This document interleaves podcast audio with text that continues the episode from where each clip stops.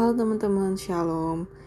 Hari ini kita masuk uh, renungan harian melalui Kitab Kidung Agung pasal yang ke-6 ya. Nah teman-teman, dari Kitab Kidung Agung yang udah kita bahas sebelumnya dari ayat 1 sampai ke 5 itu kan menceritakan tokoh utamanya adalah seorang gadis yang sangat uh, dicintai dan selalu dirayu sama Raja Salomo supaya berpaling ke supaya berpaling hatinya ke Raja Salomo kan. Nah, di sini di, di pasal yang keenam barulah disebut namanya dia adalah gadis sulam kayak gitu. Nah, siapa sih gadis sulam ini sehingga kok uh, sangat dirayu oleh Raja Salomo? Terus uh, kenapa? Maksudnya bikin orang bertanya-tanya ya kayak gitu karena kisah hidup si gadis sulam ini nggak pernah diceritain cuman hanya di kitab kidung agung ini aja gitu ya. Nah jadi ada beberapa ahli tafsir yang menafsir tentang gadis sulam ini. Itu siapa? Yang pertama tafsirannya adalah gadis sulam itu adalah Abisak atau pelayan Raja Daud. Nah ada yang beranggapan bahwa gadis sulam ini orang yang sama dengan gadis Sunem Abisak yang dipilih jadi pelayan Raja Daud Nah, dugaan ini dilandasi keyakinan bahwa gadis sulam ini gadis yang sangat cantik kan yang bikin Salomo jadi jatuh hati. Nah, sedangkan di masa hidupnya Salomo, Abisak itu yang paling cantik di Israel katanya. Terus eh, kecantikan Abisak kan sampai diketahui semua bangsa Israel kan. Bahkan bikin eh, siapa tuh kakak tirinya itu eh, mau juga sama si Abisak ini. Jadi itu tafsiran yang pertama ya. Kemudian tafsiran yang kedua itu kekasih Raja Salomo. Jadi dalam penafsiran yang lain eh, kata sulam itu merupakan bentuk feminim dari nama Ibraninya Salomo sendiri, Raja Salomo sendiri. Nah, sedangkan nama gadis sulam berarti gadis kekasihnya Salomo. Jadi eh, pengertian ini sebenarnya kontra ya sama kisah gadis sulam ini diceritakan Alkitab karena uh, gadis sulam ini kan nolak Salomo. Dia lebih pilih gembala kan yang kekasihnya itu kan. Nah tapi bisa aja benar karena Salomo ini nyebutin wanita ini uh, menyebut wanita ini gadis sulam sebagai ungkapan rasa cintanya dia sih rasa cintanya doang gitu.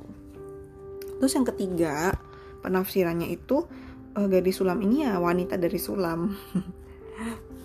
Jadi uh, penafsiran yang ketiga ini meyakini gadis sulam yang dalam kitab Kidung Agung ini gadis biasa sih yang da dari sulam bukan Abisak, bukan kekasih Salomo, cuman dia cuman salah satu pekerja di kebun anggurnya Salomo aja. Jadi uh, walaupun cantik bisa aja dia tuh pribadi yang berbeda ya dari Abisak kayak gitu. Itu penafsirannya. Itu penafsiran tentang uh, si gadis sulam ini. Nah karena kita udah tahu tentang gadis sulam kita bahas ya kitab Kidung Agung pasal yang ke-6 jadi uh, bagi Salomo gadis sulam ini kayak kota Tirja sama kota Yerusalem. Uh, sorry, kota Tirja dan kota Yerusalem. Kota Tirja sama kota Yerusalem ini dua kota yang paling indah, paling megah, paling baik di Israel. Nah, dibandingkan uh, sorry kita lihat lagi di ayat yang ke-9 Salomo juga membandingkan si gadis sulam ini dengan permaisurinya yang ada 60, selirnya ada 80, uh, eh, terus ada banyak yang da, ada banyak darah-darah yang gak terbilang banyaknya. Jadi bagi Salomo itu gadis sulam melebihi mereka semua loh, sampai pesonanya ini bener-bener wow banget ya. Jadi tapi ya by the way teman-teman kalau mau bicara soal kecantikan itu relatif nggak sih? Wanita-wanita di Israel kan kita tahu kulitnya putih bersih. Tapi gadis sulam ini di Kidung Agung Pasangan pertama diceritakan kalau kulitnya itu hitam. Nah uh, jadi sebenarnya apa sih yang bikin Salomo itu suka sama si gadis sulam ini? Kemungkinannya adalah karena sikapnya, kepribadiannya, dan kedewasaannya si gadis sulam ini ya. Nah, di Kidung Agung pasal yang pertama ayat ke-6, gadis sulam ini kulit hitam karena terik matahari ya. Dia kan ada cerita kalau dia tuh kena tarik matahari karena dia kerja di kebun anggur kayak gitu. Nah, dari situ kita tahu kalau gadis sulam ini rajin. Walaupun dia cuma penjaga kebun anggur, tapi dia terhormat ya. Dia dirayu juga dia nggak mudah kayak gampangan gitu. Dia juga nggak um, terpesona dengan sorry kekayaan dan kemewahannya Salomo. Tapi dia apa? Dia tetap setia sama kekasihnya yang nggak lain adalah hanya seorang gembala kayak gitu loh. Nah coba deh kita berkaca pada gadis sulamnya. Dan kita uh, merelevankan gambaran ini. Jika kita sebagai mempelai Kristus. Kalau kita punya sikap dan karakter seperti gadis sulam, nah ketika Tuhan Yesus datang untuk kedua kalinya, kalau didapatinya kita seperti gadis sulam ini, tidak bercacat, tidak bercela, Kristus pun bakal puji kita sebagai mempelai yang setia nggak sih teman-teman?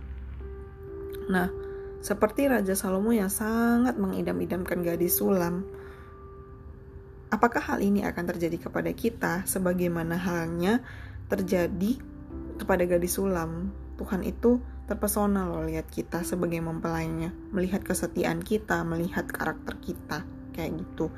Jadi untuk Kidung Agung pasal yang ke-6 kita bisa mempelajari uh, melalui gadis sulam ya dan kita belajar untuk punya sikap dan kepribadian yang baik, kesetiaan yang baik. Seperti kita udah tahu ya kan udah dibahas di Kidung Agung pasal yang pertama bagaimana uh, gadis sulam itu karakternya. Di pasal yang kedua juga diceritakan bagaimana karakternya gadis sulam yang terus digoda sama terus dirayu sama Salomo tapi dia tetap setia kayak gitu. Jadi intinya uh, jadilah mempelai yang setia.